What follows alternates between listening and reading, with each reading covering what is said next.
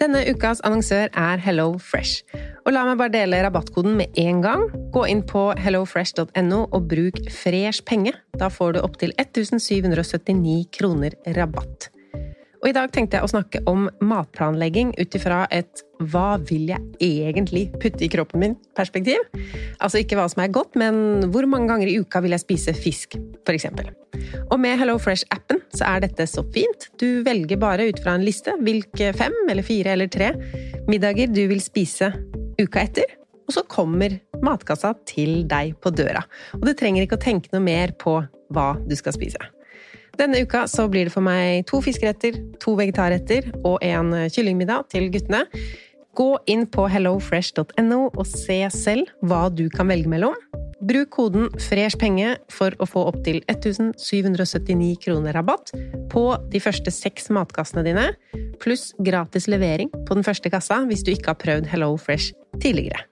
Rabatten kan du også bruke hvis du har vært kunde hos Hello Fresh, men det er mer enn tolv måneder siden.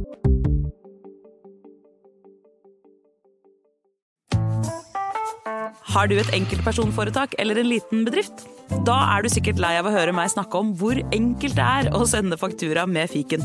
Så vi gir oss her, fordi vi liker enkelt. Fiken superenkelt regnskap. Prøv gratis på fiken.no. Velkommen til Kjemperådet! Vi har fått inn et kjempeproblem her. Jeg leser. Jeg er på ferie med familien. Det er gøy, bortsett fra at jeg har gips på begge beina. Kan ikke bade eller dra noe sted. Jeg føler meg veldig begrenset. Hilsen begrenset far. Begrenset far trenger ubegrensethet. Yes. Ja, Kanskje ubegrenset data fra 399 med familierabatt hos Telenor? Ja, det løser jo alt! Bortsett fra det med badingen, da. Se nye mobilabonnement på telenor.no. Yes!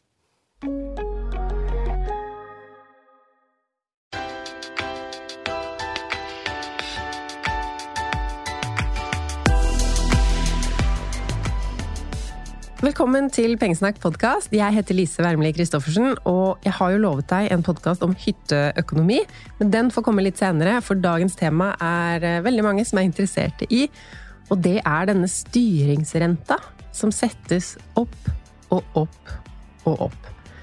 Og enda mer opp, for så vidt. Men hva vil det si for boliglånene våre, og er det noe vi kan gjøre? Vi hadde jo en styringsrente på 0% for bare to år siden, starten av høsten 2021.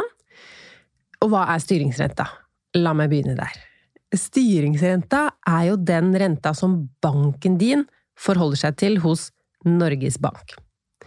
Så de låner ut penger til en litt høyere rente hos oss, fordi banken har jo også utgifter og skal tjene penger og sånn. Norges Bank det er de som bestemmer styringsrenta og har kontroll på pengene. De har møte hver sjette uke for å se på om denne styringsrenta bør endres. Og når Norges Bank endrer styringsrenta, så skjer det ting. Og det gjør endring av styringsrenta til et bra verktøy for å styre blant annet inflasjon, det er jo veldig tema nå.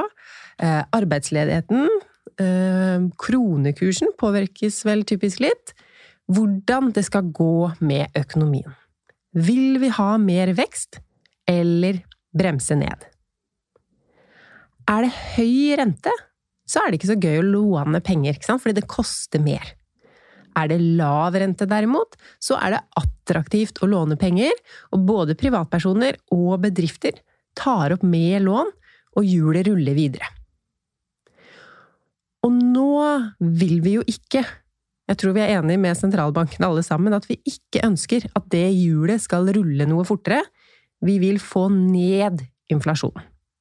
For den prisveksten som er nå, vi merker det alle sammen i vanlige butikker, uansett hva vi skal handle, prisene har økt. Og de øker for fort. Raskere enn at eh, vi kan følge helt med. Så derfor settes renta opp og opp og opp, for når vi bruker mer penger på renter, og det gjør vi virkelig nå, så bruker vi mindre på andre ting. I teorien, iallfall. Vi har mye lån i Norge, og så er det ikke så mange som har fastrente. Så når sentralbanken øker renta, bankene våre øker renta, så merker vi det ganske fort. Eh, og så må jeg bare si da, dere, at jeg er ikke noe økonom, og jeg er ikke ekspert på disse tingene, så det kan hende jeg sier noe som er eh, feil. Dere er vant til å ta meg med en klype salt, så det får dere gjøre i dag òg. Nå hørte jeg at jeg snakka litt som om jeg hadde veldig god innsikt i absolutt alt. Eh, men jeg bare lærer meg ting, og så lærer jeg det videre til dere. Så hvis du skal påstå noe, så får du dobbeltsjekke de opplysningene jeg kommer med her. Men for to år siden var renta null som jeg sa, eh, og så begynte den å settes opp. 0,25 var renta, så 0,5 og 0,75. Og det er de typiske en kvart prosentpoengene som renta settes opp med når den settes opp. Men for halvannet år siden så kom det en dobbel rentehevning. Så da gikk vi fra 0,75 til 1,25. Da var det to sånne kvartprosentere på samme rentemøte. Og på neste rentemøte så kom det en ny dobbel til 1,75, og så en tredje dobbel til 2,25. Og det var i fjor på denne tiden. Da hadde vi den renta på 2,25 i um, styringsrente. Og så har det vært enkle rentehevninger igjen på hvert eneste rentemøte etter det. Bortsett fra i desember. Da ble renta stående på stedet hvil i tolv uker. Så med alle disse rentehevningene til sammen, så er styringsrenta oppe på 4% og det som er bra med disse rentemøtene, er kanskje litt nerdete å sitte og se på det og lese de der pengepolitiske rapportene, eh, men det er lett å bare få med seg i en artikkel på Nettavisen òg, for de kommer med litt uttalelser om hva som skjer etterpå. Hva tror de skjer på neste rentemøte? Hva tror de om det som heter rentebanen? Altså, de tror noe de tror kanskje ikke bare, de gjør vel noen regnestykker òg. Eh, men hva blir renta framover? Sånn at vi sitter ikke og sånn Oi, sjokk! Oi, sjokk! Det kan gå opp eller ned neste gang. Nei, vi har fått ganske tydelige beskjeder om at det skal videre opp. Og det sier de nå også. Det skal nok opp. Hvis det ikke skjer veldig mye i økonomien eller ting ellers, så skal renta opp på neste rentemøte i september også. Så da vet vi det, og kan ta det litt inn i beregninga, at det er ingen som regner med at plutselig skal renta halvere seg igjen. Så da er vi på vei mot en styringsrente på 4,25. Så boliglånsrenta, din og min, den eh, nærmer seg, eller kanskje til og med ser, sekstallet. 6% rente. Og så har sentralbanken sagt at eh, dette det går ganske bra, fordi nordmenn sparte opp så mye penger under pandemien at vi har råd til høye renter. Eh, og det ser man også, at vi har fortsatt brukt en del penger. Ikke nok innstramning hos befolkningen til at inflasjonen har skjenket seg sånn masse. Og så kommer jo også den inflasjonen av mange ting. Det er ikke bare av at vi er helt shoppinggale. Det er jo ting med sant, pandemi og krig og vareflyt. Eh, så det er ikke sånn det er ikke fordi du har kjøpt mye på netthandel at inflasjonen fortsatt er høy, men det er én av faktorene. Og så er det jo sånn at vi kjenner oss ikke igjen i, alle sammen, at vi har spart opp så innmari masse under pandemiene. Så hva gjør vi når nå ikke reservene ligger klare, og vi har masse ekstra til å betale dyre boliglånsregninger? Det er jo ikke noe poeng å være etterpåklok. Eh, det er det jo ikke, men så er det mange av dere som har spart mye penger over lang tid. Jeg ble spurt på TV 2-nyhetene om hva er det lytterne mine sier nå, og da måtte jeg jo si, som sant er, at mange av dere dere har et veldig godt utgangspunkt nå, fordi dere har kutta ned på forbruket for en stund siden, eller har aktivt jobbet mot livsstilsinflasjon, sånn at forbruket, altså hva dere får inn og hva dere bruker, der er det et solid eh, mellomrom. Og det har ikke bare ført til at dere har en del sparepenger, som nå kan brukes på renter om dere vil, men også at dere har en romsligere hverdagsøkonomi, slik at det eneste tiltaket dere kanskje må gjøre, jeg har jo sagt at jeg skal gi 26 uh, ting her i dag, så dette blir nummer én av 26. Og hvis dette er det eneste tiltaket du må gjøre, så er du i en heldig situasjon. Så nummer én spare og investere mindre. Og det kan jo være kjedelig nok, det, hvis man har et sparemål eller har tenkt å, i år skal jeg få investert 150 000, og så er ikke det mulig fordi de daglige utgiftene har økt, og spesielt boliglånet. Og jo mer du har i boliglån, jo mer merker du jo disse renteøkningene. Um, så selv om det er kjedelig, når man har lyst til å spare og investere mer og mer, så er det en veldig god situasjon å være i. Så husk på det. Selv har jeg måttet kutte kraftig i min eh, sparing og investering. Jeg er nå nede i 1000 kroner i måneden til investering. Jeg skulle jo gjerne tidobla den, ikke sant? Men nå er det det jeg kaller kortsiktig sparing, som nå egentlig ikke er sparing engang. Pengene jeg sparer til å bygge på huset mitt, rekker jeg ikke engang å spare så lenge før de brukes. Fordi det er oppussing tingene mine går til, og økte renter. Pluss økte utgifter ellers. Eh, min rente har økt til 4,8 nominell, 4,9 effektiv. Jeg har ikke fått noe brev etter sist økning. For det som er bra, det er to ting som er bra. Én, det er ikke sånn at når sentralbanken øker renta, så betaler du mer allerede neste dag. Først så må din lokalbank eller storbank de må bestemme seg skal vi sette opp renta nå. For det kan hende at de økt, satte opp renta di litt mye forrige gang, sånn at de eh, tenker ok, da venter vi til septemberøkningen, og så eh, øker vi med kanskje en halv prosent. For de kan også bestemme akkurat hvilken rente de skal tilby deg. Skal de sette den opp, men kanskje ikke like mye? Eller skal de sette den opp litt mer enn sentralbanken gjorde, fordi de ikke satte opp eh, sist og ser på sitt, sine tall at her må vi øke rentene til våre kunder litt?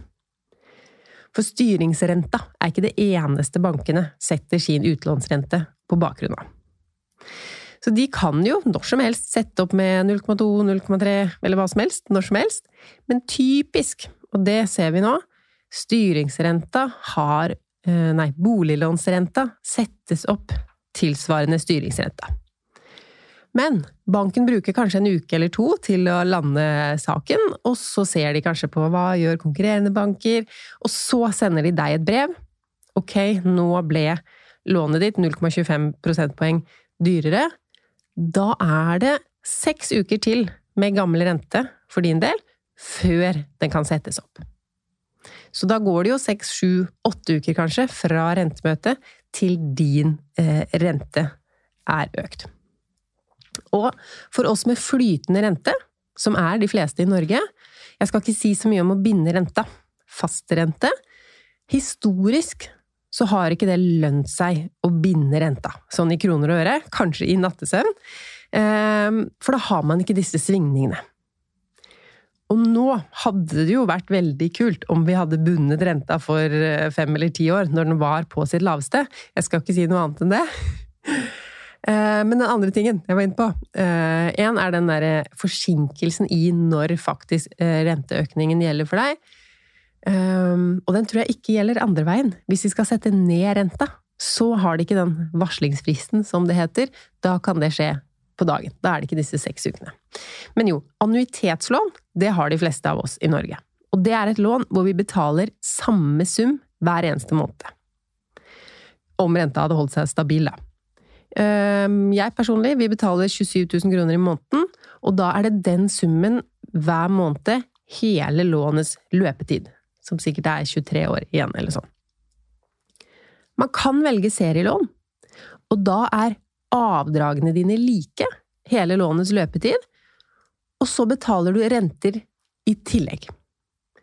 Så da vil beløpet variere gjennom årene, og du begynner med de første årene med lån har du en veldig stor renteutgift, fordi det koster jo mer å låne mer.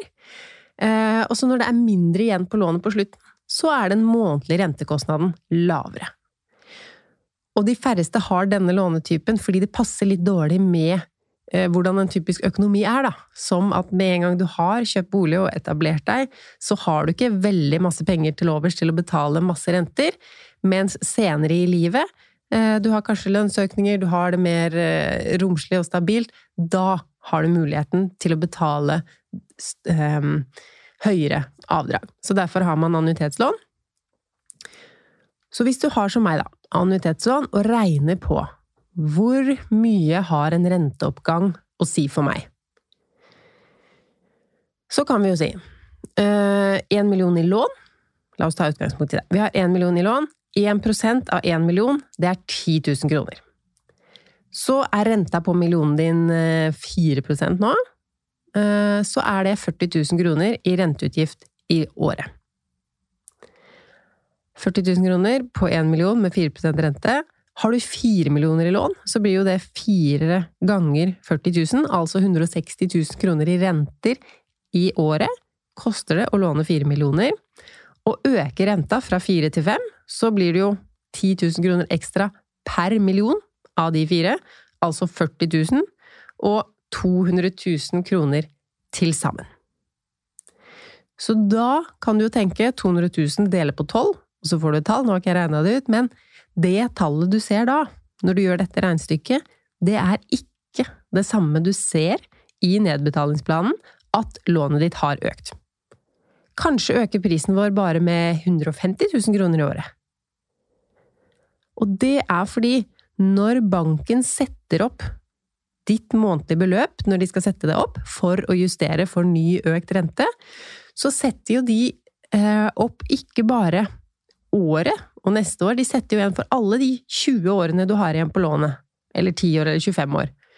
Eh, så poenget er, den nye økte utgiften den blir smurt utover så mange år at vi ikke merker hele renteøkningen i dag på de økte beløpene. Men så merker vi jo det med året. Totalt sett koster det deg 200 000 kroner til sammen. Regnestykket er ikke feil. Nå er det også før, eh, før rentefradraget, som du ser i skattemeldingen, men det skal vi også komme tilbake til. Så det er ikke en ting som senker prisen på lånet ditt, men som kan gjøre det litt mer håndterbart her og nå. Eh, men vi må ha tips nummer to. Sjekk dagens rente. Ja, rentene øker, og det kan virke meningsløst å sette seg inn i sin egen rente, for den endrer seg jo hele tiden uansett. Vel, nei. Eller jo, det gjør den, men det har en verdi i å vite hvilken rente du har akkurat nå, eh, syns jeg i hvert fall. Hvis du vet hva din rente er, så kan du selv regne ut hva avdragene dine vil bli etter neste renteøkning, eksempel. Og du må også ha den informasjonen om du skal gjøre uh, det neste punktet på lista her, som er punkt tre bytte bank. Det er ikke bare din bank som har satt opp rentene på utlån, det har de gjort alle sammen. Men det betyr ikke at det ikke er en forskjell. Så her må man nå holde tunga rett i munnen, eller fokusere på de riktige tingene. For mm, det høres ikke ut som en kjempeforskjell om renta er 5% eller 5,3% ikke sant? Men når renta di var 2,1, og du hadde fått et tilbud på ja, bytt denne mange, så får du 1,9 Ja, det er 0,2% forskjell, prosentpoeng. Eh, fra 5 til 5,3 så er det jo 0,3. Så det virker mindre og mindre jo høyere renta er, men det som er viktig, er jo differansen mellom dagens og den du vurderer å bytte til. Og alt hvordan man bytter bank, eller hvordan man regner ut om det lønner seg og sånn, Eh, det har jeg en film eh, på YouTube. Og jeg har skrevet et blogginnlegg til dagens episode, sånn at du får disse 26 tipsene på rekke og rad, og kan eh, ta i bruk de du vil. Og der under punkt tre, blir det da, så ligger det en film. Um, ja. Og blogginnlegget finner du link til i episodebeskrivelsen til denne episoden. Men kort fortalt, finn billigste rente. Hør kanskje med banken du har i dag om de kan matche, så du slipper dette bankbyttet. Eller så bytter du. Jeg holder på med dette selv om dagen, så får vi se eh, hvor jeg havner. Og så skal vi regne litt. Sette opp et regnestykke. Det er oppgave eller tiltak nummer fire. Nå vet vi jo at renten fortsetter opp, og jeg tenker med den forrige og den neste 0,5%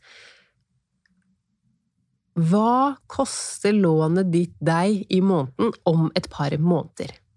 Dette tenker jeg er verdifullt å vite. Um, fordi så Samtidig kan man jo tenke sånn Jeg bare gjemmer meg, for jeg ser det blir dyrere og dyrere, og jeg vet ikke Men kunnskap er makt. Så se på disse tallene, regn ut og sjekk hva kommer boliglånsrenta di til å være om et par måneder, og se har du fortsatt råd til å betale det? uten å gjøre noen tiltak. For det kan jo hende. Eller så kan det hende du må gjøre masse tiltak, og da er det jo også verdifullt eh, å vite om dette så tidlig som mulig, sånn at du har litt bedre tid på å justere forbruk og ja, egentlig alle disse tingene jeg skal gå gjennom i dag. Så kommer tips nummer fem, som var noe jeg delte en del før vi fikk alle disse rentehevningene. Lat som om lånet ditt allerede er dyrere. Nå, vi, nå, har jo du gjort et regnestykke, jeg vet hva det koster om et par måneder. Er det noen tusenlapper ekstra? Er det noen hundrelapper ekstra? Det kan du altså Nå vil jeg ikke anbefale deg å betale det ekstra inn på lånet, kanskje, men spar det opp på en sparekonto som er din boliglånsbuffer, som du da, om renta øker enda mer igjen, så kan du bruke de pengene til å betale eh, boliglånsrenter. Fordi jo mer du gjør nå, kanskje du slipper å ta avdragsfrihet på lånet. Skal vi snakke litt om avdragsfrihet? Ehm, det er kanskje ikke så lenge siden vi snakka om det i en episode, men det som jeg tenker er viktig for meg å formidle, er at avdragsfrihet er ikke noe du skal ta opp for å opprettholde dagens levestandard. Tør å gå ned på luksus. Se hvilke andre ting du kan gjøre for å få råd til boliglånet ditt hver måned, før du går til det skrittet og ber om avdragsfrihet. Og så er det jo litt sånn i, i begge ender. Altså har du virkelig null kroner på konto, så er avdragsfrihet eh, et verktøy for å få tiden litt til å gå. Du kan betale fortsatt rentene, og så begynner du å betale avdrag eh, igjen når enten renten er lavere, eller du har fått høyere inntekt, eller et eller annet har ordna seg, anførselstegn. Eh, og så i andre enden, ta for all del avdragsfrihet hvis du har en kjempegod plan om eh, å investere pengene dine i noe som gir deg mer til overs enn boliglånsrenta koster. Men for alle oss i midten, avdragsfrihet er ikke en kjempelur idé. Eh, og ikke gjør det for å kunne fortsette å bruke. Da er det bedre å bruke pengene dine på å betale ned på lånet. Um, uansett hvilken vei renten utvikler seg. Altså skal det bli dyrere og dyrere og dyrere, som jeg var inne på i stad, det koster jo mer å ha et stort lån enn et lite lån, og hver gang du betaler avdrag, så blir lånet ditt bitte litt mindre. Og det er jo det vi vil på sikt, ikke ha så mye boliglån de fleste av oss. Um, ja, tips syv. Der har jeg skrevet å øke lånets løpetid.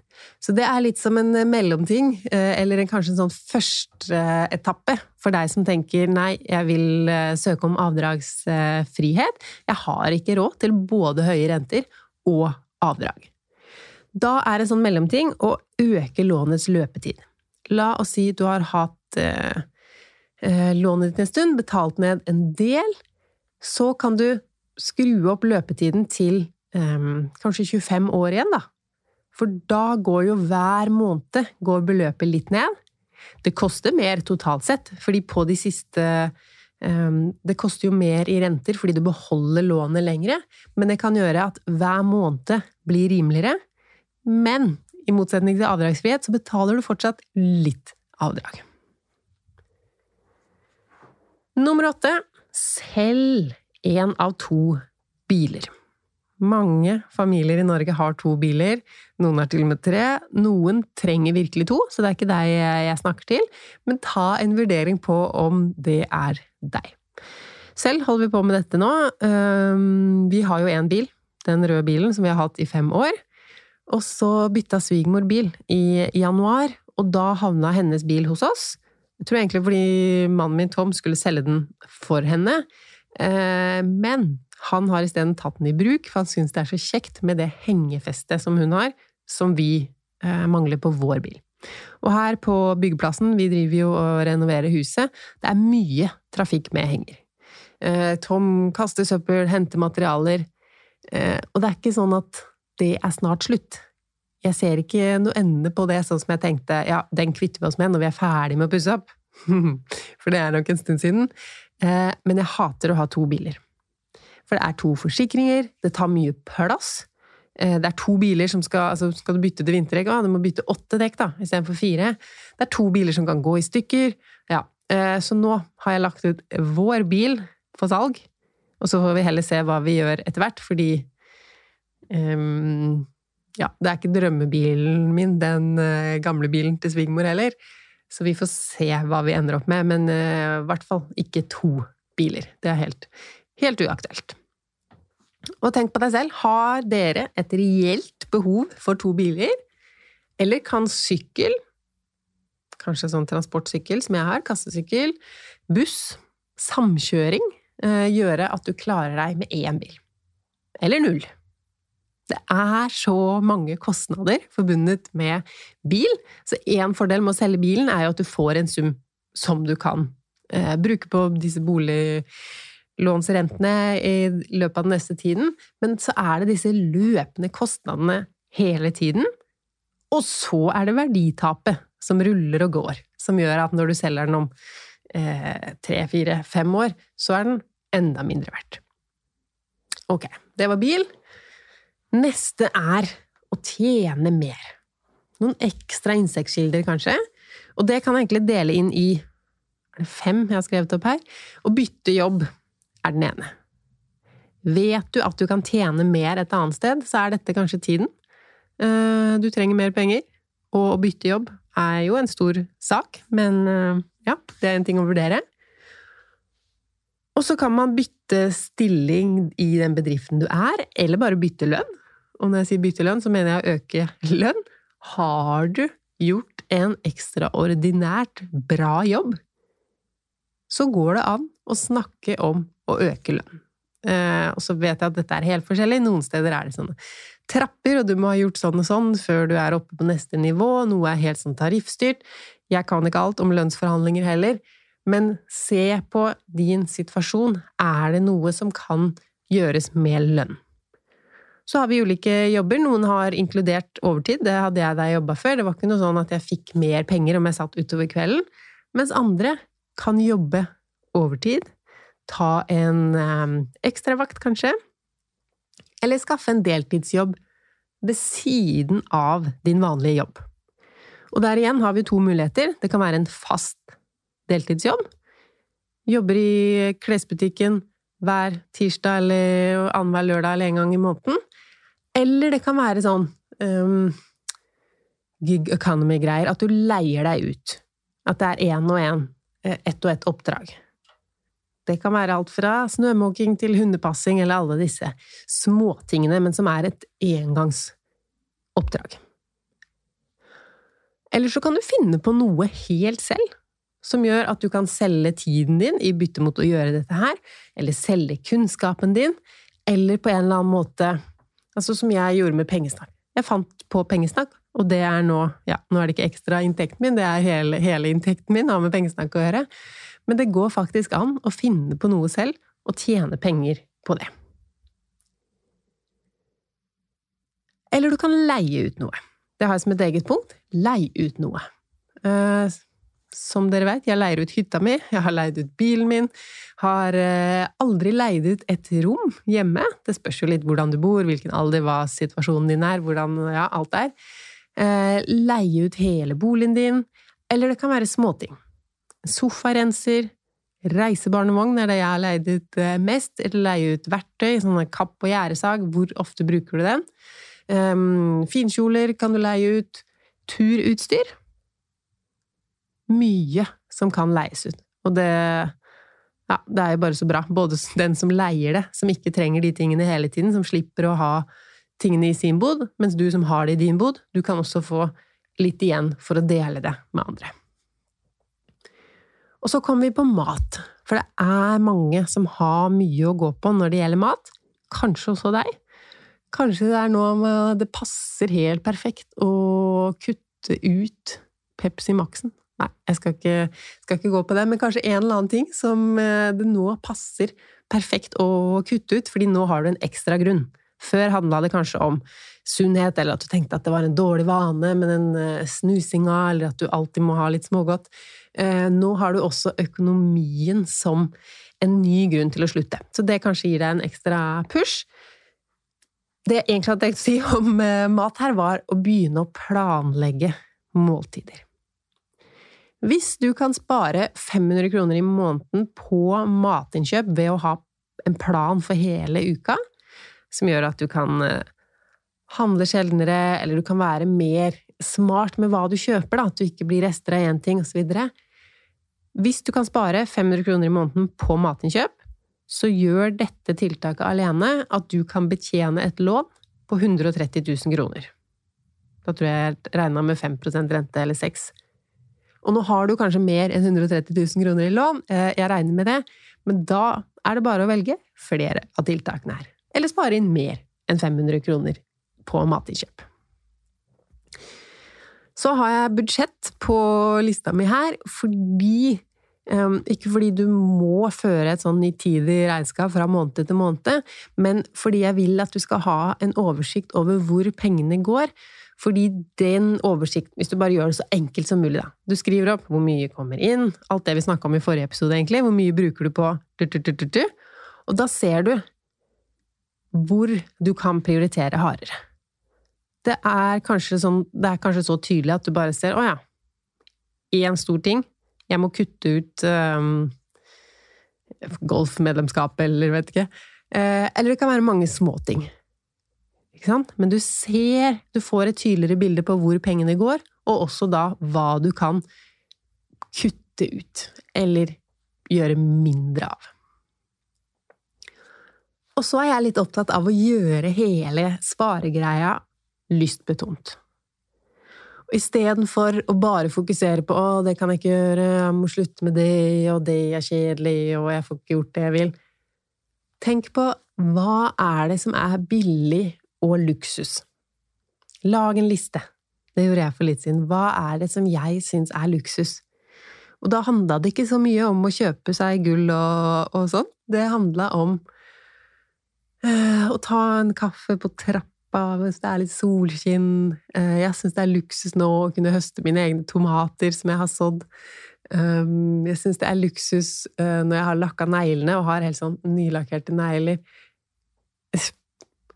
Helt opp til deg. Hva er din sånn billig luksusliste? Og jo mer du gjør av det, ikke sant? kanskje du da gjør noe mindre av noen dyre ting, og sparer penger på den måten, men med et litt mer positivt fortegn. Og det gjelder også aktiviteter. Lag en liste over gratis aktiviteter som du syns er morsomt. Og det kan være enten aleneting eller sånn venneting, familieting. Og vær litt sånn rask til å foreslå.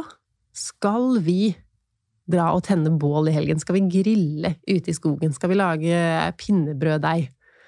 Um, skal vi teste ut den prosjektoren din igjen? Skulle vi hatt sånn kino på veggen ute nå før det blir for kaldt? Er du litt rask med å foreslå gratis aktiviteter, så blir det mindre av de dyre tinga som man typisk foreslår. Å, skal vi spise ute en dag? Skal vi dra på kino? Skal vi Ja. Og så er det et viktig punkt her. Nå høres det jo ut som meg som at den eh, At boliglånet haster veldig og er altfor dyrt og eh, skal prioriteres. Men som vi snakka om i forrige uke, det er den dyre gjelda du skal prioritere først. For ja, vi snakker om at boliglån er dyrt nå, 5% rente. Har du noe med 28% rente, så er det veldig tydelig. Det er der. Men eh, det er jo samme tiltakene du kan gjøre da, for å finne pengene til å finansiere ekstra nedbetalinger.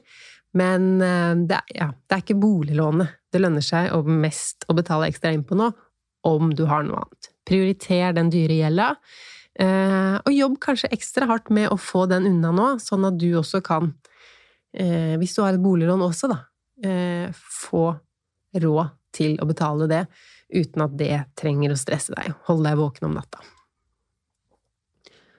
Og så, mens du kanskje har eh, lyst til å bruke mindre penger på eh, festivaler og ting ute, så må du kanskje være mer hjemme.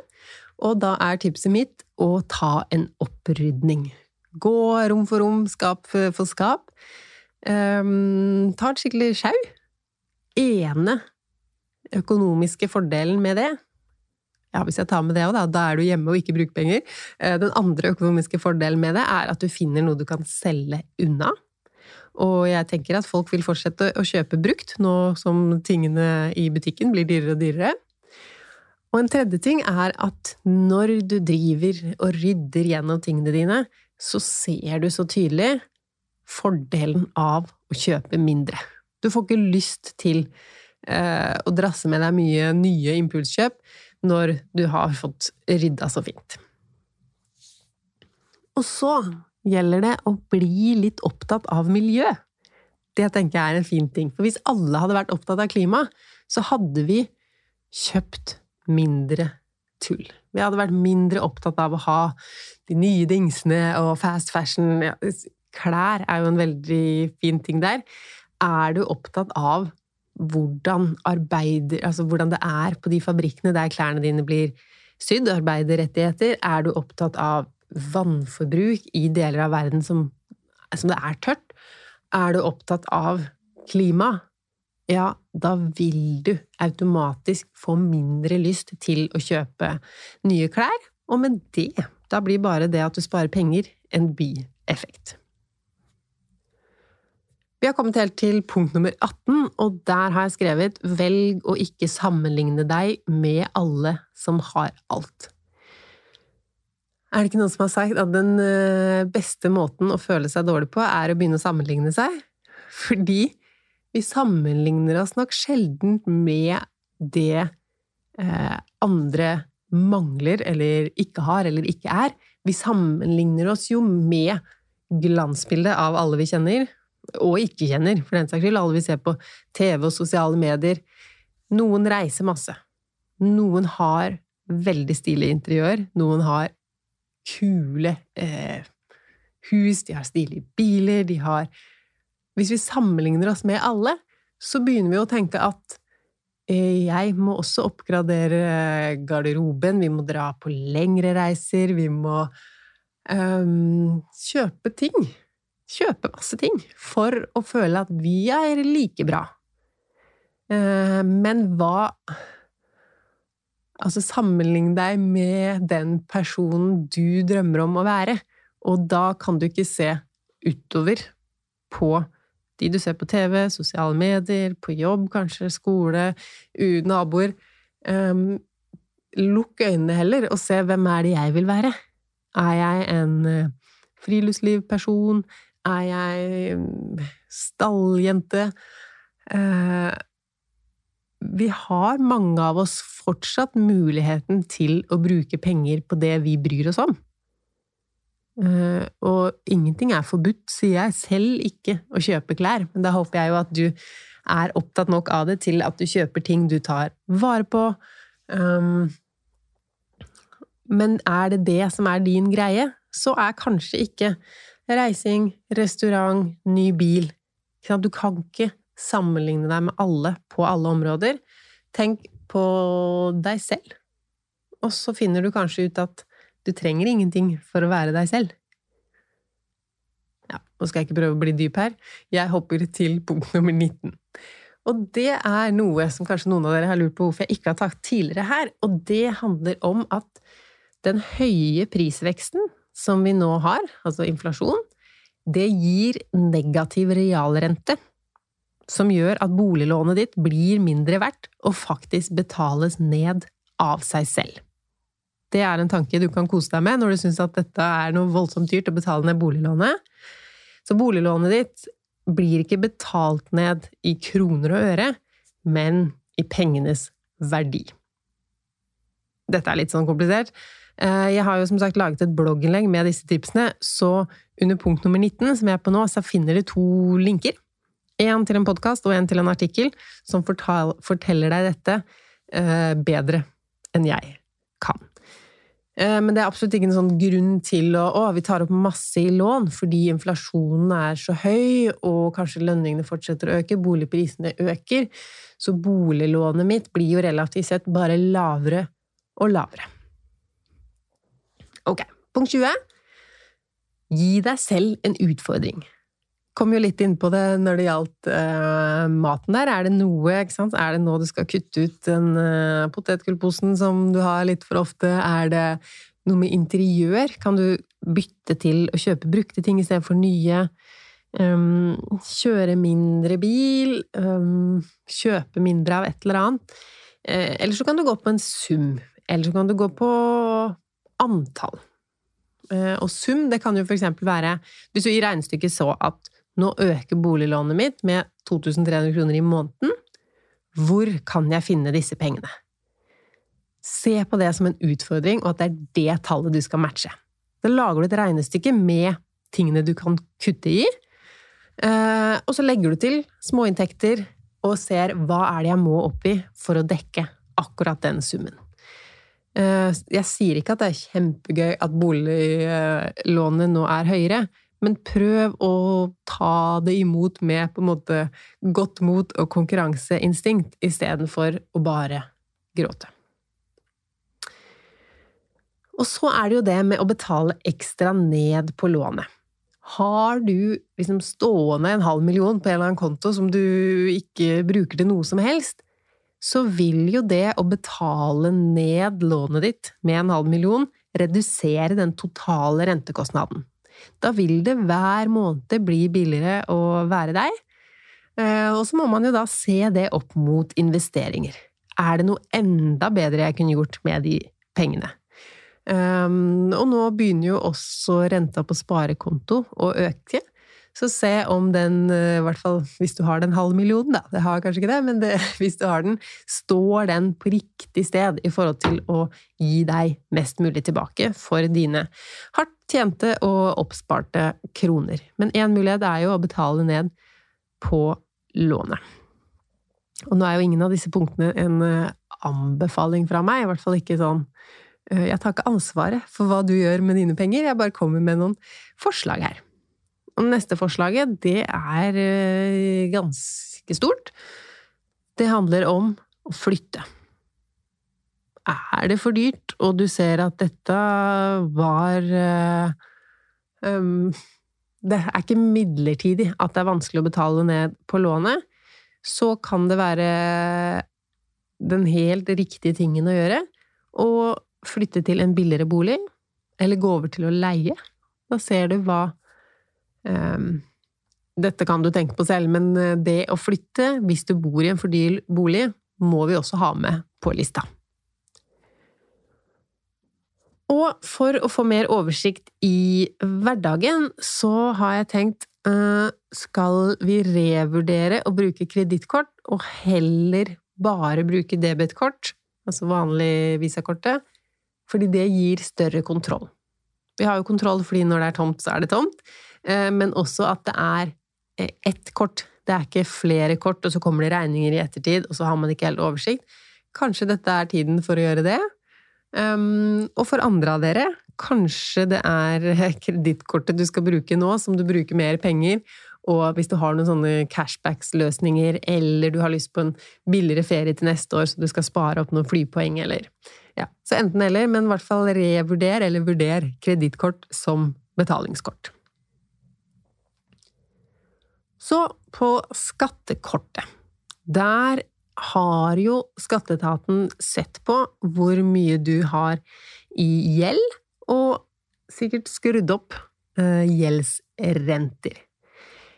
Hvis nå renta øker mer enn de har tenkt, som det kanskje ser ut, så kan du gå inn og ordne litt på skattekortet ditt for å forhindre at du får trukket um, for mye skatt fra måned til måned. Så det du gjør, er å gå inn på skatteetaten.no, logger inn med bank-ID, og så trykker du på Min skatt, heter det. Se og endre skattekort. Og der inne i de opplysningene så står det gjeldsrenter. Um, og der står det et beløp allerede. Og så må du jo sjekke da det beløpet opp imot hvor mye renter du faktisk kommer til å betale. Og den ene delen av det er jo det du allerede har betalt. Renter, altså. Ikke beløpet du har betalt hver måned, men Um, altså ikke avdrag, ikke gebyrer, bare renter. For her får man, i Norge, 22% av de rentene betaler staten for deg. Så det er derfor rentenivået har noe å si på skatten din. Så se på de månedene hittil òg, hvor mye har du betalt i renter. Og så må du plusse på de neste fire månedene med renter. Eh, så sjekk ditt nyeste rentebrev i nettbanken, for der står det hvor mye som skal betales inn hver måned. Da får du en sånn betalingsplan framover, og da har du beløpet. Og er det stor forskjell på de to, altså hva som står i skattekortet nå, og hva du faktisk kommer til å betale i renter i år, så endrer du beløpet inn i skatteetaten, sånn at du ikke blir trukket for mye i skatt. Så har jeg med et punkt om forsikring her, for det er jo litt sånn når man går gjennom eh, alt, så må man også se på forsikringene. Og det er en kjempestor felle som jeg bare vil eh, advare litt mot. Det er kan være veldig um, det kan fungere helt mot sin, sin hensikt. Da. Hvis du kutter ut en forsikring, og så skjer den tingen du egentlig har vært lenge forsikra mot, men som du droppa nå, så er jo det økonomisk veldig, veldig dumt. Men jeg sier ikke at du ikke skal se på forsikringene dine. Er du dobbelt forsikret, for eksempel? Hva, er du forsikra noe gjennom jobb? Så trenger du ikke de samme forsikringene privat, kanskje. Eh, litt sånn vanskelig ting å sette seg inn i, forsikring, men eh, det er kanskje enklere enn du tror når du først begynner å lese. Eh, og i hvert fall lag en liste. Har du noen forsikringer gjennom jobb? Hvilke har du privat? Er du gift? Det, har mannen din noen forsikringer? Har du noen forsikringer? Eller dama di? Um, og så ser du på avtalene du har. Du ser på selskapet. Er du med i en fagforening, så kan det være mye å spare på å bruke dem sin avtale. Så da kutter du ikke ut noen forsikringer, men du kan fortsatt få billigere forsikring. Og så, som det siste tipset mitt i dag, dropp abonnementer. Gå aller først på de du ikke bruker i det hele tatt, men som du bare har tenkt at det er litt sånn styrete, og hvordan er det jeg bestiller det? Gjør den lille jobben, og gå inn, finne ut din login og avbestill det abonnementet Jeg tror ikke man kan ha en liste med pengetips fra meg uten dette punktet. Det jeg elsker så hardt med å droppe noen abonnementer, er ja, summen er liten, men når du har droppa det, så sparer du det ikke bare én gang. Du sparer det samme beløpet tolv ganger i året. Eh, og da kan du også regne ut, da. Altså hvilke TV-kanaler, blader og forskjellige internetting og apper eh, må jeg kutte ut for å kunne betale for en 0,25 prosentpoengs renteøkning på lånet ditt.